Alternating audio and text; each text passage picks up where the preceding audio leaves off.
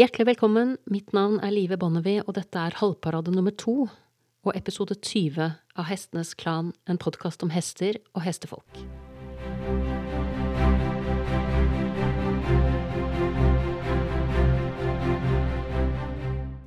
Mester Jean-Luc Cornille har kommet med flere gullkorn i løpet av de klinikkene jeg har vært på med ham. Det jeg liker best med ham, det er at han alltid snakker hestens sak.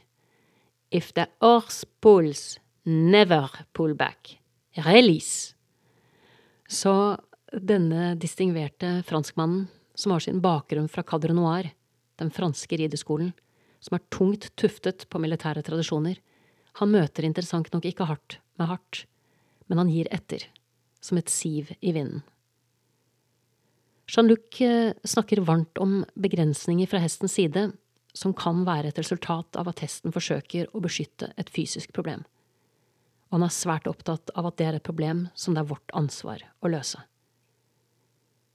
Det er viktig at vi som ryttere klarer å skille ridning og treningsfilosofier som er egnet til å forbedre og styrke hestens balanse og fysikk, fra treningsmetoder som utnytter hestens sjenerøsitet, opp til det punktet der skade kan oppstå, og noen ganger langt forbi. Hvis hesten må pushes, sier Jean-Luc Cornille, så er det viktig å ta høyde for at mange hester har vondt, uten at man kan verken se eller kjenne det på dem. Særlig gjelder dette godt voksne hester. Så fremfor å pushe dem, så kan man kanskje med hell gå en runde for å se hva som kan være grunnen til at et dyr som er skapt for bevegelse, ikke byr på et godt fremad av seg selv. Hvis det er sant at hesten din trives med å trene, så bør det ikke være behov, verken for å overtale, manipulere eller pushe ham. Det Jean-Luc står veldig sterkt på, det er at uh, hesten vil elske følelsen den får i kroppen som følge av korrekt trening, og han beskriver det på følgende måte. Hvis vi som ryttere klarer å bistå hesten i hvordan den skal orkestrere sin egen kropp, med en rytter på ryggen, eller fra bakken, sånn at hesten får kontakt med sin egen fysiske styrke og spenst, og derigjennom opplever å kjenne seg sunn og balansert, da vil han komme løpende hver eneste gang han ser deg. Noe av det viktigste Jean-Luc lærte meg, var å være bevisst på hestens naturlige kadens. Hva er kadens? Jeg oppfatter det som et annet ord for rytme, og den sier noe om hvor mange steg en hest tar per minutt. Hestens naturlige kadens, det er den hastigheten der den beholder sin balanse og diagonal perfekt i alle gangarter. Når hesten går under sin naturlige kadens, vil det langsomme tempoet hjelpe ham med å få kontakt med den energibesparende fjæringen som naturen har utstyrt ham med. Går han derimot over sin naturlige kadens, så stiver han av ryggen, noe som gir flere negative effekter, blant annet en ugunstig belastning av leddene. Dette gjelder helt uavhengig av disiplin. Travhester, som er langt over sin naturlige kadens, er for eksempel utsatt. Varmblodstravere i større grad enn kaldblodstravere, fordi de er avlet til å gå fortere, og dermed får større belastninger på muskler, sener og ledd. Islandshester, som jeg driver med, kommer opp i svært høy hastighet og dermed også svært høy belastning i blant annet hurtigtølt og pass.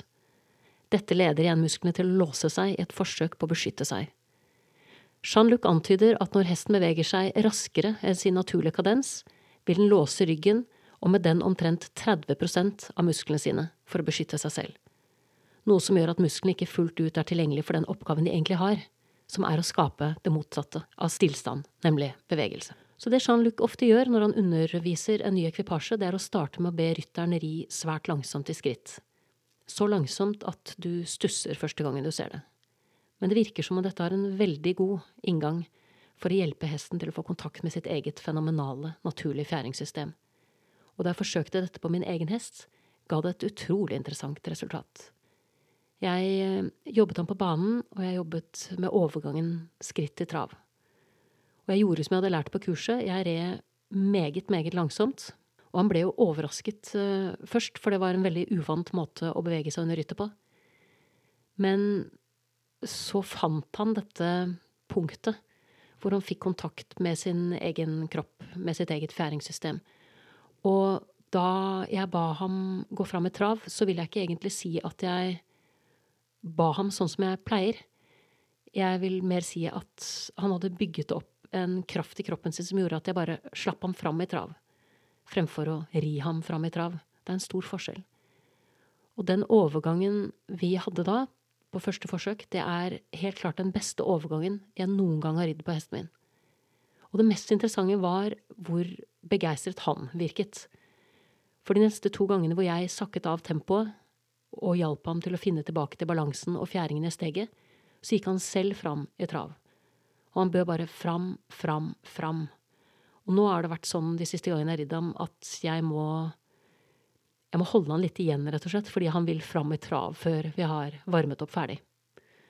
Så, så viljen til å by fram, den vokser ut av denne måten å jobbe med hester på. Det som også er veldig interessant med Jean-Luc, det er at han har stort fokus på den vitenskapelige inngangen i fagfeltet sitt. Han er utrolig opptatt av hestens anatomi og biomekanikk, og har forsket masse på det og alliert seg med gode forskere men han er samtidig krystallklar på at vi ikke kan nærme oss hesten utelukkende gjennom vitenskap, metoder og eksisterende formler. Ridning er først og fremst en kunst, og det må behandles deretter. Kontakt, avsluttet Jean-Luc Cornille. Det er ikke noe du tar, det er noe du får. Du har hørt episode 20 og andre halvparade av Hestenes Klan, en podkast om hester og hestefolk. Takk til min faste komponist Fredrik Blom. Takk til Jean-Luc Cornille for alle de interessante klinikkene jeg har fått delta på, og sist, men ikke minst, takk til deg, kjære lytter, for tålmodigheten. Måtte hesten for alltid være med deg.